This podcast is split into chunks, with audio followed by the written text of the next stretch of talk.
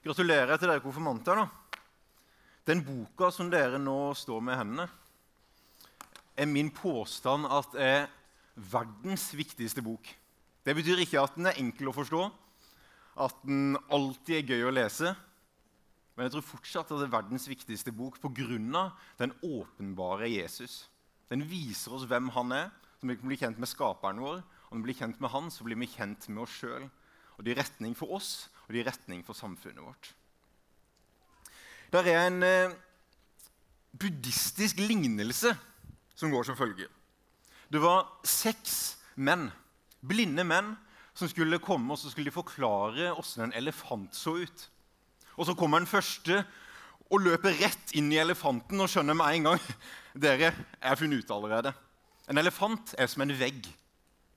Og Så kommer det en eh, mann foran og tar tak i en støttann. Du tar helt feil. En elefant er jo akkurat som et spyd. Det er glatt og det er hardt. og Du kan stikke deg på det. Så kommer det en mann bakfra, blir piska av noe i fjeset og skjønner at nei, en elefant det er som et tau.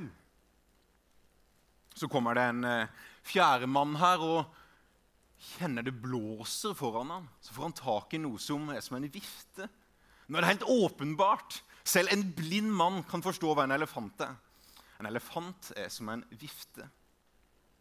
Og så kommer den siste. Han har en litt mer rolig approach. Kommer krypende bort og kjenner Det er jo et tre. Det er jo åpenbart for enhver blind mann at en elefant er akkurat som et tre. Og sånn har filosofer, religioner, kulturer krangla opp gjennom hele vår historie om hva som er sannheten. Og så har vi blitt veldig moderne i vår tid. Vi er blitt så moderne at vi kaller oss postmoderne. Istedenfor å krangle så har vi heller bare godtatt at ja, men, kan ikke du bare ha din sannhet? da? Kan ikke du forstå verden sånn? At den er som en snabel, eller det er som en, eh, et tau, eller Og så kan vi bare godta det, og så bare gir vi oss. Og så gir vi opp det håpet om at det finnes en sannhet. Men det den boka her gjør, det er at det er som en syvende person som kommer utenfra. En seende person. Og så kommer han og så forklarer han til de er blinde. Han som står nede og tror at åpenbart at et, eh, en elefant er som et tre. Hvis du reiser deg, og så går du mot noe som er hardt Det kjennes kanskje ut som en vegg, men det er sida på elefanten. Og så kan han få lov til å erfare at ja, det stemmer. Og så går han bort. Kjenner du den vifta her? Det er ikke en vifte, men det er ørene til elefanten. Og som man kanskje kjenner på støttennene. De er hvite, og de er harde. Og så er det noe med at han kan ikke vite at de er hvite. Det er noen ting i den boka her som vi kanskje bare må tro på. Som ikke vår forstand helt skjønner. Det er noen ting vi ikke helt kan forklare. Noen ting kan vi erfare, noen ting kan vi forstå sjøl. Andre ting må vi bare godta at sånn er det. Men vi har en Gud som kommer inn i historien og åpenbarer seg både gjennom skaperverket, gjennom at Den hellige ånd er inni oss, så åpenbarer det Jesus, og gjennom Hans ord. For det er litt dumt hvis vi bare skal godta at OK, det, det er greit at du tror det du tror. For hadde det vært elefanter det var snakk om, så er det én ting. Men hva med verdensbildet vårt, da? Nå er jeg gift med en bergenser. Der er det jo en eh, antydning til at sentrum av vår verden det er Ole Bulls plass. Og så er Askøy en øy på utsida der. Litt lenger vekk så har vi England og Amerika. Og Russland og Kina og lengst vekk nesten vi ikke trenger å prate om det engang. Det er Oslo, og der regner det alltid. Eller en normal nordmann sitt verdensbilde. Der er jo selvfølgelig Norge plassert i midten og veldig mye større enn alt annet. Russland er cold and miserable, kaldt og miserabelt. Kina er billige ting. Australia er kenguruer, øl og sandstrender. Men det er noe med at når realiteten treffer oss, så ser verden litt annerledes ut. Og den boka her har en, en tanke om at den utfordrer verdensbildet vårt. Noen ting er ubehagelig å forandre på. Noen ting er selvsagt for oss. Og Hadde det bare vært elefanter og geografi det handla om, så tenker jeg da kunne vi bare gått rundt i vår egen blindhet og syntes det vært koselig at alle andre tenkte ulikt som oss. Men greia er at Guds ord sier at sannheten setter oss fri. Det betyr at det å ikke leve i sannheten det binder oss mer enn det frigjør oss. Bibelen sier at Guds ord er en lykt for min fot, og det er et lys på min sti. Bibelen har altså to dimensjoner. Det er nærlys, det er en lykt som lyser opp livet ditt. Og så er det fjernlys. Det lyser opp den veien du skal få lov til å gå på. Den retningen du, din familie og det landet som tror på det her, kan få lov til å gå i retning av. Det er nærlys, og det er fjernlys. Og jeg tror at Hvis du har prata med en nyfrelst, så skjønner du at den boka her, den lyser opp livet. Plutselig så gikk du fra det her til å forstå det her. Du gikk fra å være avhengig av dette til å se at du er satt fri. Fra å være fanga av noe til å oppleve frihet. Men sammen, det er jo sånn at når mange nok mennesker erfarer de av sannheten i livet sine, så forandrer det omgivelsene rundt det. Og Det er noe av det jeg synes er mest fascinerende med denne boka. her, at Hvis du ser på verdenshistorien, så ser du at det er veldig få plasser der virkelig folk er blitt løfta ut av fattigdom. Menneskeliv er forandra i stor skala, og det, har gått fra, og det blitt et godt land for alle menneskene i landet å bo uten at den boka her har fått lov til å bygge fundamentet i landet først. Og det å løfte opp noen historiske eksempler der du har lyst til å si to minutter om det, da er det alltid en fare for historieforfalskning. Men jeg tar sjansen likevel og prater om to land der jeg bare hiver ut noen få påstander. Pga. i England på 1700-tallet vi, vi, leser i pensumbøkene på skolen at det var den industrielle revolusjon på 1700-tallet som løfta England ut av fattigdom. Men Hvis en leser folk som har doktorgrad på dette, og faktisk har studert denne historien, så knytter det alle det opp til at et land som går kjapt ut av fattigdom, det er aldri bare industrielle og teknologiske ting som går foran. Det har alltid noe å si med moral og det har alltid noe å si med folkets karakter. Så Noen av de historikerne jeg har lest, har, har peka på en fyr som, som øh, Nå står det stilt for meg. John Wesley På samtidig som den industrielle revolusjonen herja i, i, England, så var dette det største slumområdet vi hadde i Europa. Det var elendige levekår. Men så begynte han å fortelle et evangelium som først hadde satt på nærlys i hans sitt liv, som gjorde at han så ting annerledes og skjønte at det her er retningen å gå for vår nasjon. Han begynte å spre det her på gaten og forkynne håp til mennesker. Og det var så mange som begynte å ta imot dette evangeliet at det ble en forandring av hele samfunnet på grasrotnivå. Og På hans levetid så var det over 100 000 som kalte seg metodister. Og så tenker du metodister. Det var egentlig bare at Folk syntes de var så metodiske både i bibelstudier og i bønneliv. Men dette var ikke folk som bare satt inne i bedehuset og kritiserte resten av samfunnet. Det de er kjent for av historikerne, er at de starta skoler, at de starta sykehus, at de starta bedrifter, og at de hjalp folk ut av fattigdom. Og På den måten så forandra England seg. Den boka her er nærlys, men den er jo fjernlys. Jeg synes Det er et fantastisk kult eksempel med, med Korea. Fram til det landet delte seg i 1945, så var Sør-Korea og Nord-Korea teknisk sett helt likt. Samme kultur, samme menneskene, og så delte de seg. Og Det var mange mennesker som prøvde før denne tida å sende inn misjonærer i landet. Det var annet en misjonær som kom på midten av 1800-tallet. Han rakk så vidt å gå i land på stranda og kaste fra seg noen bibler før han ble drept. Og de fleste misjonærer som kom til Korea på den tida, ble drept av de som bodde der. Så dette landet hadde ikke fått noen innflytelse av Guds ord. Men når landet ble delt, så ble det sendt inn misjonærer. Og på under 100 år så gikk landet fra under en halv prosent kristne til nesten 70% kristne. Og så lurer en på men, men hva skjedde i landet ellers, da? Folk som ikke ser Bibelen i dette, ser bare at det var et land som de skjønner ikke hvorfor, men de gikk fra å være et av de fattigste landene i verden til å bli et av de mest industrielle og velstående landene i verden. Og Det er blitt kalt den asiatiske tigeren, som har hatt kjempevekst. Og Jeg sier ikke at økonomi og, og alt det her er, er, det som denne boka her handler om. Men jeg ser at den boka her er livsviktig for nærlyset vårt. At vi skal se hvem vi er, og hvem Gud er for oss. Og når det forandrer oss, så forandrer det folk rundt oss.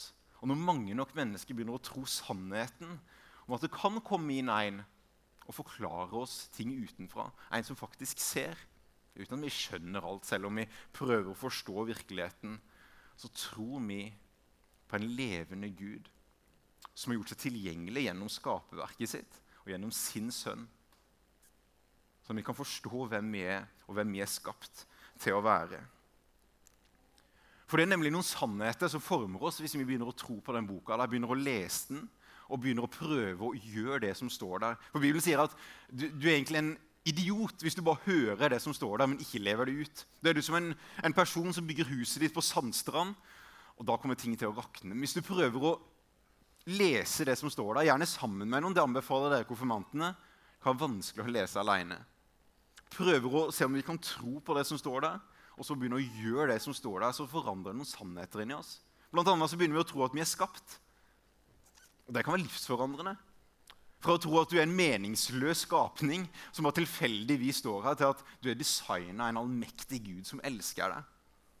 Og at du er skapt i hans bilde. Det betyr at du ligner på skaperen. Han som talte, og så ble det til. Altså De orda vi sier, de har en betydning for det vi skaper rundt oss. Og vi er kreative folk som kan gjøre denne verden til en bedre plass. Og så trenger vi å forstå at selv om vi er skapt og fantastiske og i Guds bilde, så har vi et problem. Og det er synd, og det går på tvers gjennom alle menneskehjerter. Og noen måtte dø og ta oppgjør med det. Og det var Jesus som elska oss så høyt at han døde på et kors for at vi skulle bli tilgitt.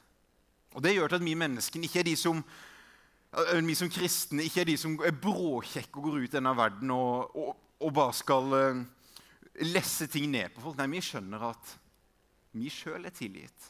Vi har fått noe i gave, og det kan vi gi ydmykt i gave videre. Og så, så vi altså tilgitt. Og så er vi satt fri, ikke bare til å kunne gjøre det vi vil. Vi er oppreist tilbake til skaperen, til det vi var designa for i hagen, og, og forvalte og designe og skape sammen med pappaen vår. Og så er vi ikke skapt for å bare være her. Vi er en pilegrimer, gjennomreisere, som er, har en himmel i vente. Og det her gjør noe med oss som enkeltpersoner, og så gjør det noe med oss som nasjon. Og Hanna skulle peke på klokka si sånn. Hanna, husker du det? Du skulle peke sånn hvis pappa holdt på for lenge. Er det greit litt til? En historie til? Ja. Så Den siste historien jeg skal fortelle om, er jo landet vårt. da. Hans Nilsen Hauge. Det er en historie som vi burde lese alle sammen.